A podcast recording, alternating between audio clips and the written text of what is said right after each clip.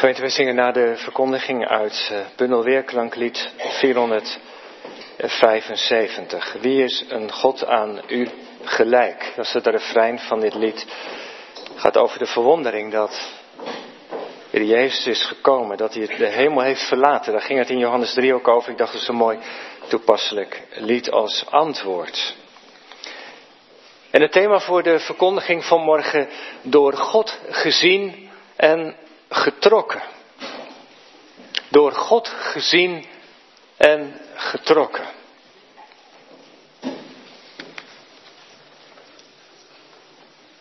Gemeente van Christus, gast in ons midden, u hier in de kerk en thuis ook met ons verbonden.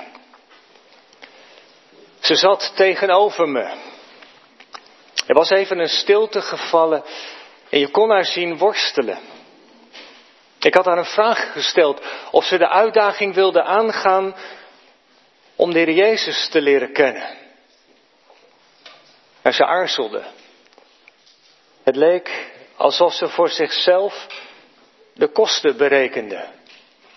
Wat als ik ja zeg? Ze was op mijn pad gekomen via de begrafenis van haar opa. En de dienst had nog een indruk op haar gemaakt. In het bijzonder wat over haar opa werd gezegd. Hij was geen man van veel woorden. Had geen gemakkelijk leven gehad, in de oorlog veel meegemaakt. Een zwakke gezondheid, maar er was één ding wat hij telkens weer zei. Er was één ding wat zijn leven in het bijzonder typeerde. Een heel diep vertrouwen in de Heere God. Wat er ook in mijn leven gebeurt, zei hij steeds, God houdt mij vast. En het waren die woorden, dat vertrouwen, die in de rouwdienst centraal stonden. Het feit dat hij de Heere God kende en wist, mijn leven is geborgen in zijn hand.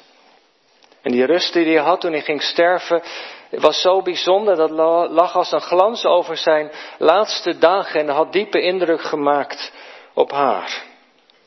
Ze was best succesvol in haar leven. Goede baan, ze was single nog, lieve vrienden om haar heen. Het ontbrak haar eigenlijk aan niets, maar toch knaagde er wat. Mag ik eens een keer met u praten? Want waar leef ik eigenlijk voor? Is er niet meer? Die dienst die heeft mij zo aan het denken gezet. De woorden van haar opa lieten haar niet meer los. Ook wel bijzonder, hè? dat soms ook een getuigenis van een andere generatie of van iemand je kring zo na verloop van tijd blijft nazingen dat de Heere God dat gebruikt. Zou je de uitdaging aan willen gaan om de Heer Jezus te leren kennen? Misschien mag ik je uitnodigen voor een alfa-cursus. Ze aarzelde, ze durfde het niet. Nog niet. Maar gemeente, zo kun je gevangen zitten. Als mens tussen aan de ene kant verlangen onrust. Er wordt aan je getrokken. En aan de andere kant twijfel. Je huivert voor de consequenties. Wat als ik ja zeg? De man van Johannes 3, Nicodemus, Nicodemus, is iemand die het waagt om de stap te zetten naar de Jezus toe. Hij zoekt hem op, meester. We hebben gehoord dat u een leraar bent die bij God vandaan komt. Inderdaad, de dingen die u zegt, de dingen die u doet. Niemand kan zulke tekenen doen als u. Hij had over Jezus gehoord. Misschien wel was hij met eigen ogen aanwezig geweest bij het onderwijs, bij een van de wonderen. Deze man is meer dan een mens alleen. Hij spreekt anders, dat zeiden de mensen ook. Je merkt het als hij spreekt. Hij spreekt met gezag, met volmacht. Ja, ze zeggen dat hij de Messias is, maar de Romeinen zijn nog in het land. Volgens mij kan het niet, maar, maar stel nu dat het wel waar is, hoe zit dat eigenlijk met die Jezus? Hij is wel een rabbi, hij is wel een bijzondere rabbi, hij moet wel van God gekomen zijn. Zou hij toch? Nicodemus, als ik hem zou moeten typeren vanmorgen, is het iemand, een mens gevangen tussen verlangen en twijfel. Verlangen gevangen. Allereerst verlangen, dat blijkt wel uit wat hij doet. Met zijn vragen, met de twijfels die hij heeft, zoekt hij Jezus op. Wij weten dat u, zegt hij, horen we hem tegen Jezus zeggen. In het gesprek stelt hij aan Jezus vragen. Hij verwondert zich over wat hij over Jezus heeft gehoord. Nicodemus is iemand met interesse. Hij is nieuwsgierig. Misschien ook wel jaloers als rabbi, omdat Jezus heel veel mensen in beweging brengt, omdat er bij zijn onderwijs echt dingen gebeuren. Het is het gesprek van de dag. En je proeft in de woorden van Nicodemus ook een zeker respect voor deze Jezus. Rabbi, u bent van God afkomstig. En dat is nogal wat als je dat als Nicodemus zomaar tegen iemand zegt. He, Nicodemus legt als het ware zijn kaarten op tafel. Zo kijk ik tegen u aan. Verlangen, vragen, zoekend. Maar Nicodemus is ook iemand die is gevangen. Want waarom komt hij eigenlijk in de nacht? Nou ja, goed, dan is het rustig.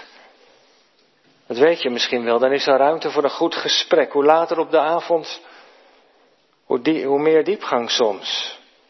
Of gaat hij juist op het tijdstip naar Jezus toe omdat hij bang is? Bang is om gezien te worden door zijn mede-collega's, uh, door de mede-fariseërs. Het zou zomaar kunnen dat dat laatste het geval is in het leven van deze man. Jezus had namelijk geen goede naam. Hij had scherpe kritiek uitgeoefend op de fariseeën. Het waren huigelaars, witgepleisterde graven, schijnheilige mensen. Het werd hem niet in dank afgenomen. Zou hij daarom in de nacht naar de Jezus toe zijn gegaan? Het zou zomaar kunnen. Fariseeën. Bijzondere ijver voor de wet, voor de Torah van God. Maar ze hadden die wet omringd met allerlei extra voorschriften en bepalingen. En die volgden ze nauwgezet. Er was niemand die zo serieus de wet van God in de gaten hield, naleefde als deze groep. Als deze fariseeërs, Nicodemus, iemand van hen. Tot in de kleinste details wilde zijn leven afstemmen op de woorden van God. En dat is prachtig. Wat is er mooier dan dat? Dat het woord van God zo belangrijk is dat je het elke dag leeft. Binnenleeft, Heere God, wat wilt u dat ik doe?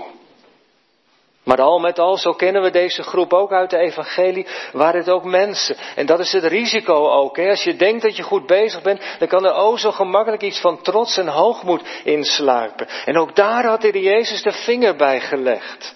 Want ze hadden zich afgezonderd van het volk. Het volk, ach ja, dat is een schade die de wet niet kent. Die hebben niet zoveel inzicht. Maar wij, ja, wij zijn er de hele dag mee bezig. Er was een geestelijke elite ontstaan, Nicodemus, een van de leiders, zo vertelt Johannes. Ze geeft mede leiding aan het Sanhedrin, de Joodse Hoge Raad. Zodanig heeft hij natuurlijk naar de mensen toe ook een voorbeeldfunctie. En juist omdat je een voorbeeldfunctie hebt, wordt er op je gelet.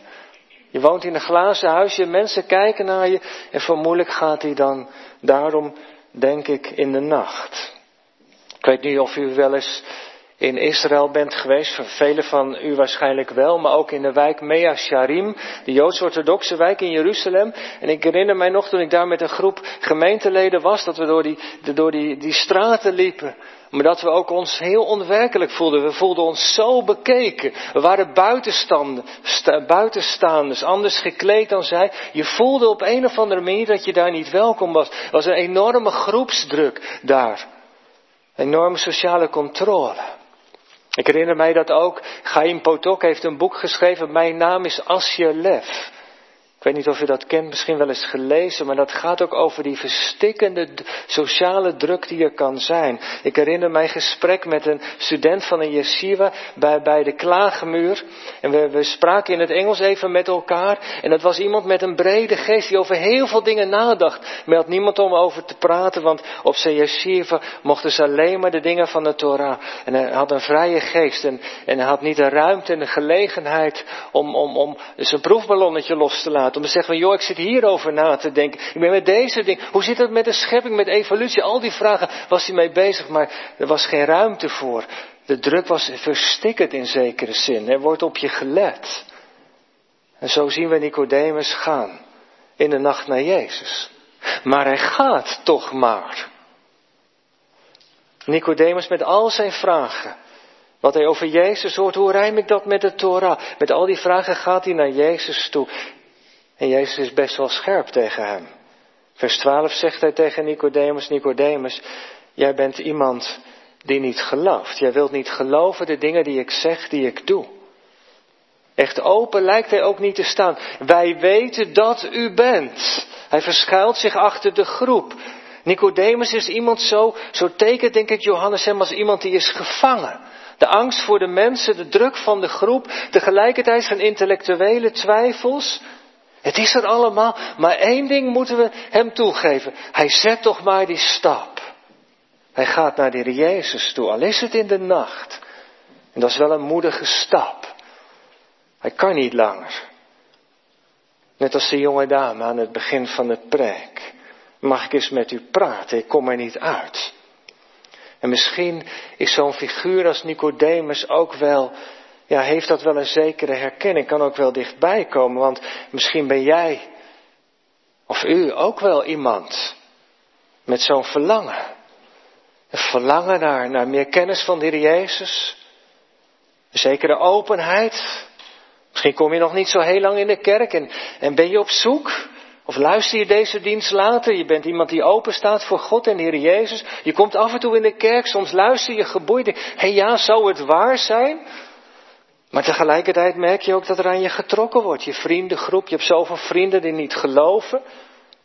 Ben jij de enige die dan af en toe eens naar de kerk gaat? En die graag over de diepere dingen van het leven wil praten met iemand? Die vragen die je hebt, Tegenwerpingen die je krijgt in je zoektocht. Ach joh, dat lijden in deze wereld kan toch niet? Dat er dan een God is die bestaat, want als God, werkelijk? Of, of dat geloof, dat is toch maar een verzinsel? Die zegt dat de Bijbel waar is? Al die stemmetjes die je kunt horen, die vragen die, die je voor de voeten geworpen krijgt, die kunnen je ook enorm weer naar beneden trekken. Er is verlangen en tegelijkertijd zijn er ook zoveel dingen die je weer naar beneden trekken. Of de moeilijke dingen die je meemaakt, momenten dat je eigenlijk helemaal niet iets van God ervaart. Je staat voor de drempel, maar je durft nog niet de stap te zetten. Het lukt je gewoon niet. Het kan wel zijn dat we vanmorgen misschien wel denken aan een van onze kinderen. Ze hebben allemaal dezelfde opvoeding gehad. Maar toch heeft niet iedereen de fakkel van het geloof overgenomen. Soms begon het al op school. Ja, ze zaten op een reformatorische school, maar dat innerlijke proces is al veel eerder begonnen. Of misschien wel later in de studententijd, of toen ze zijn gaan werken. De hele omgeving was zo anders dan wat ze hadden meegekregen. En zeker, ze zijn wel op zoek gegaan en je merkte dat het wel bij ze leefde, maar maar echt leven met de Heer Jezus, echt die trouw ook in de dingen van Hem.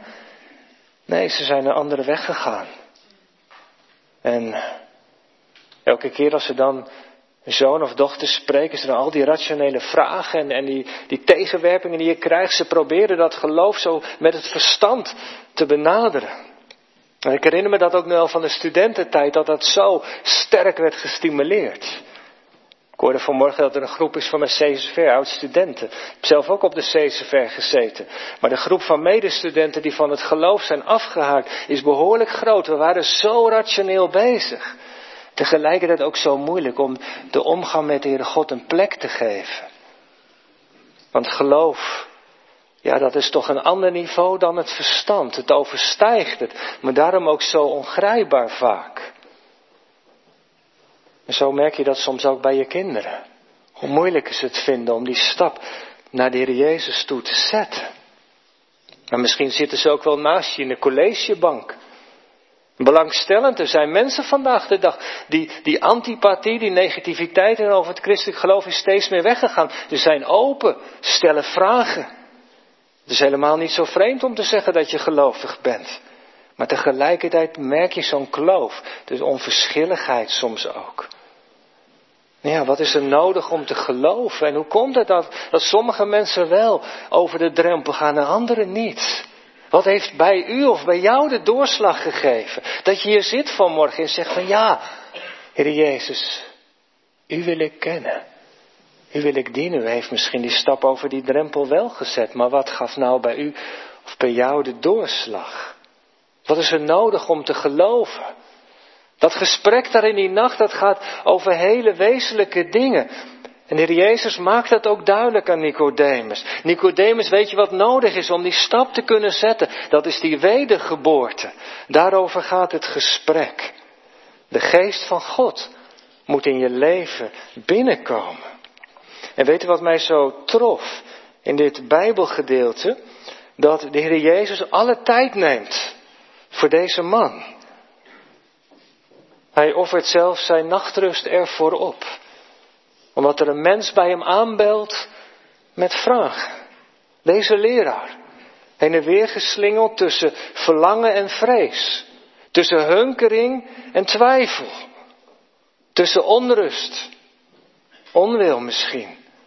Maar Jezus ontvangt hem in huis. Ik vind dat zo mooi. De deur staat open. Kom er achterom. Een bijzonder teken dat iedereen, jong, oud, met zijn vragen en twijfels welkom is bij God. Zoals de Heer Jezus is en omgaat met mensen. Zo is God onze hemelse Vader. Ook voor ons. Jezus offert zijn nachtrust op voor deze man. Maar zodra Nicodemus binnen is, neemt hij wel gelijk de regie. Want Nicodemus, hè, dat zei ik, die verschilt. Wij weten dat u bent. Rabbi. Maar Jezus geeft Nicodemus niet de kans om als een collega met hem te praten. Op een afstandelijke manier vanuit de ratio met, met hem te discussiëren. Nee, hij stoot door naar het hart. Het is maar 30 centimeter van elkaar verwijderd, maar een wereld van verschil. Leerde ik toen ik meeging met de vier musketiers. Het hoofd en het hart. Jezus doet een appel op het hart van Nicodemus. Nicodemus, je moet opnieuw geboren worden. Dat is wat Jezus tegen je zegt. Je hebt misschien alles al. Je hebt het woord van mijn hemelse vader. Maar één ding ontbreekt je. En dat is die nieuwe geboorte. En het woordje wat Jezus daar gebruikt in het Grieks, dat zet Nicodemus op het verkeerde been. Dat Griekse woordje anoten kan twee dingen betekenen. Opnieuw, voor de tweede keer, maar het kan ook betekenen van boven. Het heeft twee betekenissen. En Nicodemus pakt de eerste betekenis. Ik moet dus opnieuw geboren worden. Maar Jezus hint op de tweede betekenis. Het gaat om een geboorte van bovenaf. Vanuit de hemel. Door God gewerkt. Door de geest die je leven binnenkomt. Het ontbreekt je aan de geest, Nicodemus. En daarom gaat het gesprek daarna ook over de wind. Die je niet ziet, maar die je wel kunt merken. Nicodemus zit gevangen, zegt Jezus, in zijn aardse manier van denken. Hij is iemand van beneden. Hij bedenkt de dingen van beneden, de dingen die wij mensen zelf kunnen bedenken. Het is als het ware, zegt Jezus tegen Nicodemus, alles wat je weet en wat je bedenkt, is net als die baby die nog zit in de baarmoeder. Die wereld is nog maar zo beperkt. En daarbuiten is een heel ander leven, is het leven van het koninkrijk van mijn vader. Je denkt dat je alles weet, maar je zit nog in die baarmoeder, maar het is de bedoeling dat je naar buiten gaat. En dat je in het koninkrijk van God binnengaat. En de Heer Jezus is gekomen om dat mogelijk te maken, om daar verandering in te brengen. Deze Bijbelleraar, deze hoogleraar in de theologie, die heeft een nieuwe geboorte, een van boven geboorte nodig. Die heeft de geest van God nodig. Want anders kan hij, zegt Jezus, het koninkrijk van God niet zien. Maar wanneer de geest komt in je hart aandraait, dan komen de dingen in beweging. Dan gaan de dingen veranderen. Dan gaan, ja wat er gebeurt er eigenlijk als de geest je leven binnenkomt? Dan opent hij je ogen voor de wereld van God. Voor het koninkrijk van de Vader. Dan opent hij je ogen voor de onvoorstelbare liefde van de heiland, van de Heer Jezus. Voor de genade en de vergeving van God. Dat je met Hem elke dag weer opnieuw mag beginnen. Dan ontdek je dat er een plan is. Dat er een perspectief is. Dat ja, vanaf het allereerste begin, Psalm 139, je door Hem gekend en bemind bent. En dat Hij er alles aan doet om je daar te brengen waar Hij je wilt hebben. In het Vaderhuis, in het Koninkrijk van de Vader. De Geest helpt je om de Jezus beter te leren kennen, brengt je op de golflengte van het koninkrijk van God. En dat kun je zelf met je verstand nooit bereiken. De geest moet het doen. God moet het doen. En hij doet het ook. Maar hij zit niet op het niveau van het verstand van je eigen kunnen. Maar die werkt dieper op het niveau van het hart. Hoe gaat het dan in zijn werk? Hoe kan ik dan Gods geest ontvangen en opnieuw geboren worden? vraagt Nicodemus. Ja, dat is een goede vraag. Mensen die vragen, die staan ergens open voor. Jezus zegt, weet je Nicodemus, je moet bij mij zijn. Ik ben vanuit de hemel neergedaald om dat nieuwe leven aan jou te geven. En dan begint de Jezus te spreken over het kruis. Waar hij verzoening doet voor de zonde van ons mensen. Daar op die plek heeft hij de schuld beboet. Daar heeft hij de wereld met God verzoend. Weet je, Nicodemus, toen daar in die woestijn, toen die slangenplaagde was als oordeel van God, hoe konden al die Israëlieten gered worden? Jongens en meisjes, je weet het wel. Mozes moest die staf omhoog met die slang, die koperen slang, moest hij omhoog heffen. En ze moesten allemaal naar die slang kijken. En dat was een teken, weet je het nog? Toen, we die, toen jullie die slang zagen, toen werden jullie gered. En zo schrijft Johannes, zo zal de Jezus aan het kruis verhoogd worden. En om Hem draait alles. En iedereen die Hem omhoog kijkt en Hem aanvaardt als de redder, de Heer van zijn leven, die ontvangt de geest en wordt van binnenuit veranderd. Jezus wijst Johannes dus niet zich op, zich, op hemzelf, op zijn intellect, maar Jezus wijst Johannes naar hemzelf toe. Een baby wordt geboren dankzij de moeder. Het nieuwe leven komt in deze wereld door de, dwars door de pijn en het lijden van de moeder heen. En zo zal het zijn in het koninkrijk van God. Ik ben vanuit de hoge hemel nedergedaald om jou dat nieuwe leven te schenken. Ik zal in dat baringsproces zelf, daar zal ik aan ten onder gaan. Ik zal sterven. Maar ik heb het ervoor over opdat jij dat nieuwe leven mag en kan ontvangen. Geloof je dat, Nicodemus? Ben je bereid om de stap naar de Jezus te zetten? Zou je mee willen doen aan die Alpha-cursus? Zij kon het nog niet. Maar klaarblijkelijk heeft Nicodemus die stap wel gezet. We wat verder bladeren in het Johannes-evangelie komen hem nog twee keer tegen in het zevende hoofdstuk. Dan neemt, staat hij in de Hoge Raad en dan neemt hij het op. Dan begint hij de Jezus te verdedigen. En in Johannes 19 is hij samen met Jozef van Arimathea aanwezig. Bij het graf van de Heer Jezus. Dan begraaft hij zijn heiland. De leraar is een leerling geworden.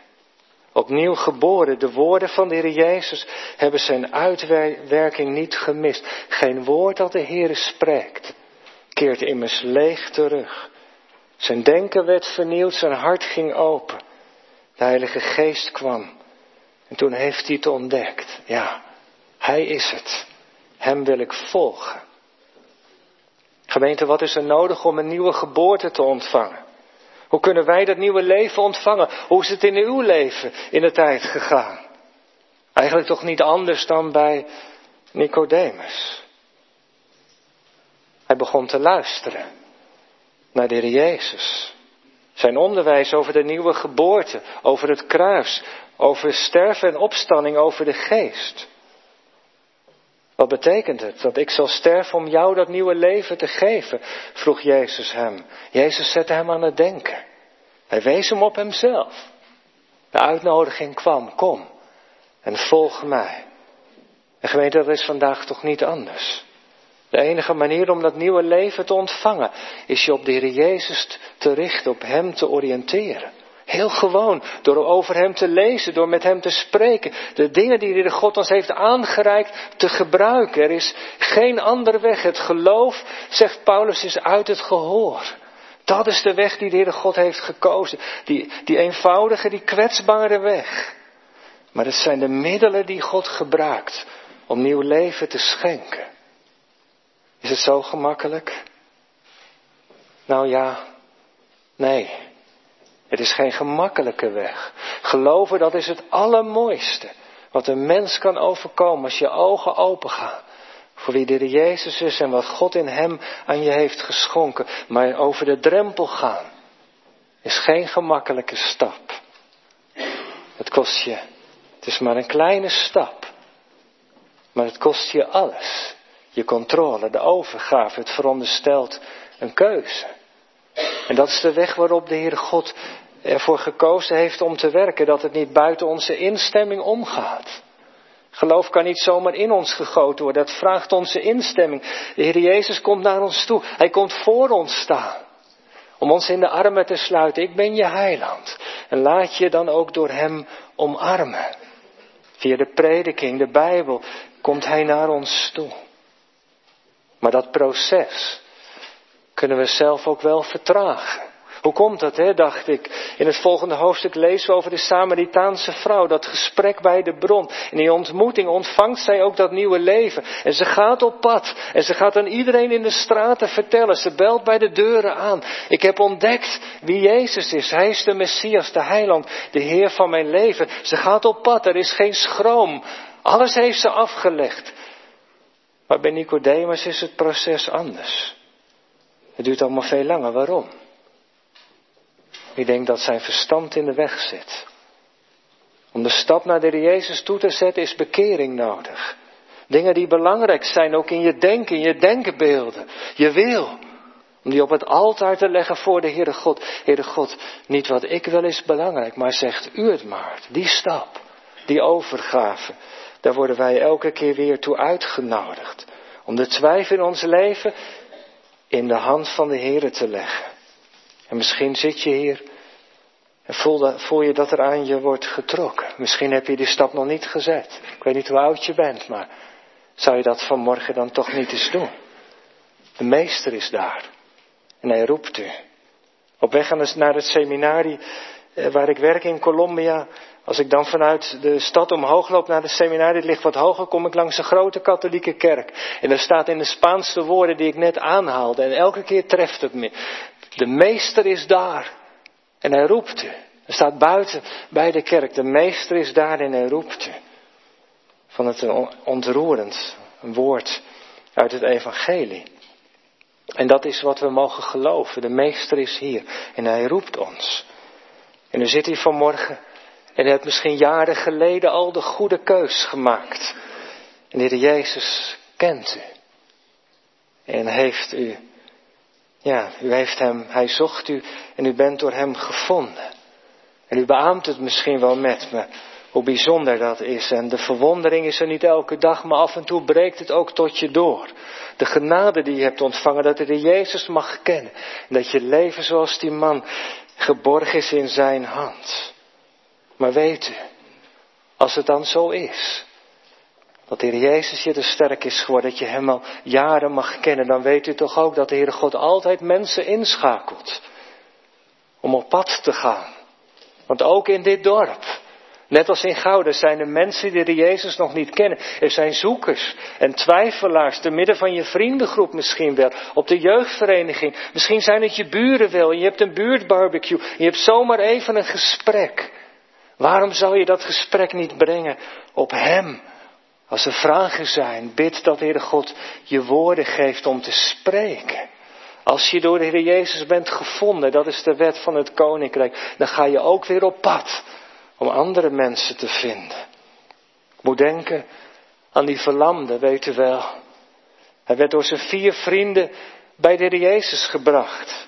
Die ongelovige Thomas, later in het evangelie. Hij is door zijn mede zijn mede-collega's, mede-vrienden bij de Jezus gebracht. En dat is elke keer de beweging in het evangelie. Straks mogen wij weer naar huis gaan. Maar wij, de Heere God zendt ons uit. De kerkdienst is niet afgelopen, maar is dan juist begonnen. Hij zendt ons op pad. Naar een medebroeder en zuster die thuis is. Vriend of vriendin, verlamd door twijfel, door teleurstelling, door een levensgang die anders is gelopen dan ze hadden verwacht of gebeden. Wat mooi. Als je met iemand mee mag lopen. Wat mooi als je voor iemand mag bidden. De Bijbelkring misschien. Het geloven is geen gemakkelijke zaak. Dat weten we zelf toch ook wel. Wat heeft het niet gekost? In mijn leven. Om mijn knieën te buigen voor de Heer Jezus. Wat heeft God hard in mij moeten werken. En wat was ik een weerbarstig mens. Zo wonder dat ik dominee ben geworden. Maar niets is voor de Heere God onmogelijk. En hij wil ons inschakelen, want er is maar één verlangen. God de Vader. Dat de mensen zijn lieve zoon leren kennen. Ik ga eindigen. De vrouw aan het begin van de preek. Zou je, over de drempel willen gaan, een alfa-cursus. Ze kon die stap nog niet zetten, maar ik vertrouw erop dat God doorgaat met zijn werk. In het leven van haar, in het leven van mijn kinderen. Ik vertrouw erop dat God doorgaat, want hij rust niet. Totdat het vaderhuis vol is. Gebruikt hij mij niet, dan is het iemand anders. Maar al die schakeltjes, die gebruikt de Heere God. Hij zal niet rusten totdat het vaderhuis vol is. Want hij wil niet dat er ook maar iemand van Reewijk verloren gaat. En als iemand die je lief is, de Jezus nog niet heeft gevonden, blijf dan moed houden. Blijf aanhouden in het gebed, want God gaat door met zoeken. Goede Vrijdag en Pasen geweest. Jezus leeft. De Geest is uitgestort. We hebben het woord. En God is in ons midden. De Meester is daar.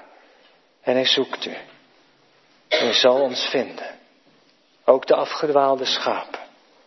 Amen.